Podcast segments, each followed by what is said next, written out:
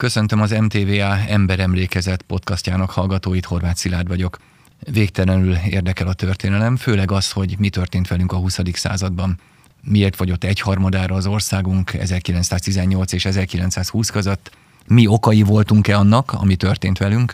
Aztán érdekel az, hogy mi történt velünk a hortikorban az a generáció, Horti, Betlen, Klebersberg, Teleki, vajon dicsőséget érdemele, és szobrokat, mert országot faragott a trianoni torzóból, vagy elutasítást, mert belesodorta az országot a második nagy háborúba.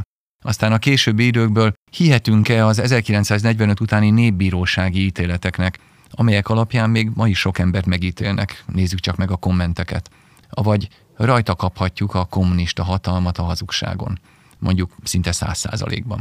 Hogyan gyűrte maga alá a magyar társadalmat a szovjet hadsereg egymillió katonájának segítségével Rákosi Mátyás? Volt-e, aki ellenállt neki? Hát persze, hogy volt. No, őket is megmutatjuk. Az emigrált, börtönbe zárt, megölt a föld alatti Magyarországot. Mi volt 56? Szocialista forradalom vagy nemzeti felkelés? Volt-e Magyarországnak demokratikus hagyománya? Ha nem, akkor hogyan lehet, hogy 56-ban a legkisebb településen is órák alatt kezünkbe vettük a saját sorsunkat? Honnan tudtuk, hogy mit kell tennünk, ha nem a demokratikus hagyományunkból? Aztán mit tett Kádár 1956 után? Igaz-e, hogy ez tulajdonképpen a rákosi rendszer volt csak finomabb kivitelben? És kicsit több mint 30 esztendőt ugorva készülte a kommunista a rendszerváltoztatásra, cégalapításokkal külföldre kimenekített, és 1988 után külföldi tőkeként behozott pénzekkel.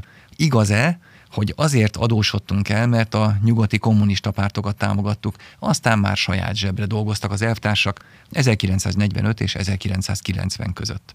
Gazdasági szempontból nézve ugyanezt, hányszor rabolták ki az országot a 20. században.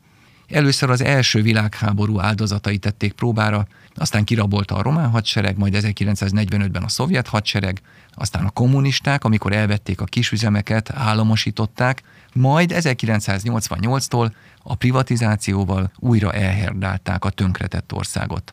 Gyakran megvették maguknak, a kárpótlás pedig nem hozott orvoslást az 1945 utáni Einstandra. Kicsit tágabban szemlélve a közelmúlt történetét, volt-e végzet amely kerülgetett bennünket a 20. században, vagy mindig lehetett volna másik út, csak éppen rosszul választottunk. Mit tehet egy helyét kereső ország Közép-Európában, és mire tanít minket a 20. század történelme? Ilyesmikről beszélgetünk itt az Emberemlékezet podcastban, a legmenőbb történészekkel, a legnagyobb tudású egyetemi tanárokkal, könyvek szerzőivel. Azt ígérhetem, hogy tabuk nélkül beszélünk. Sem politikai korrektség, sem múltbeli hazugság nem köt majd meg bennünket. Szerencsére felnőtt egy fiatal történész nemzedék, amelyre számíthatok, és persze a régi nagyok közül is hívjuk azokat, akik nem álltak és nem állnak be a sorba, hanem önállóan gondolkodnak és önállóan fogalmaznak. Emberemlékezet óta nem volt ilyen podcast. Vendégeimmel együtt várunk mindenkit.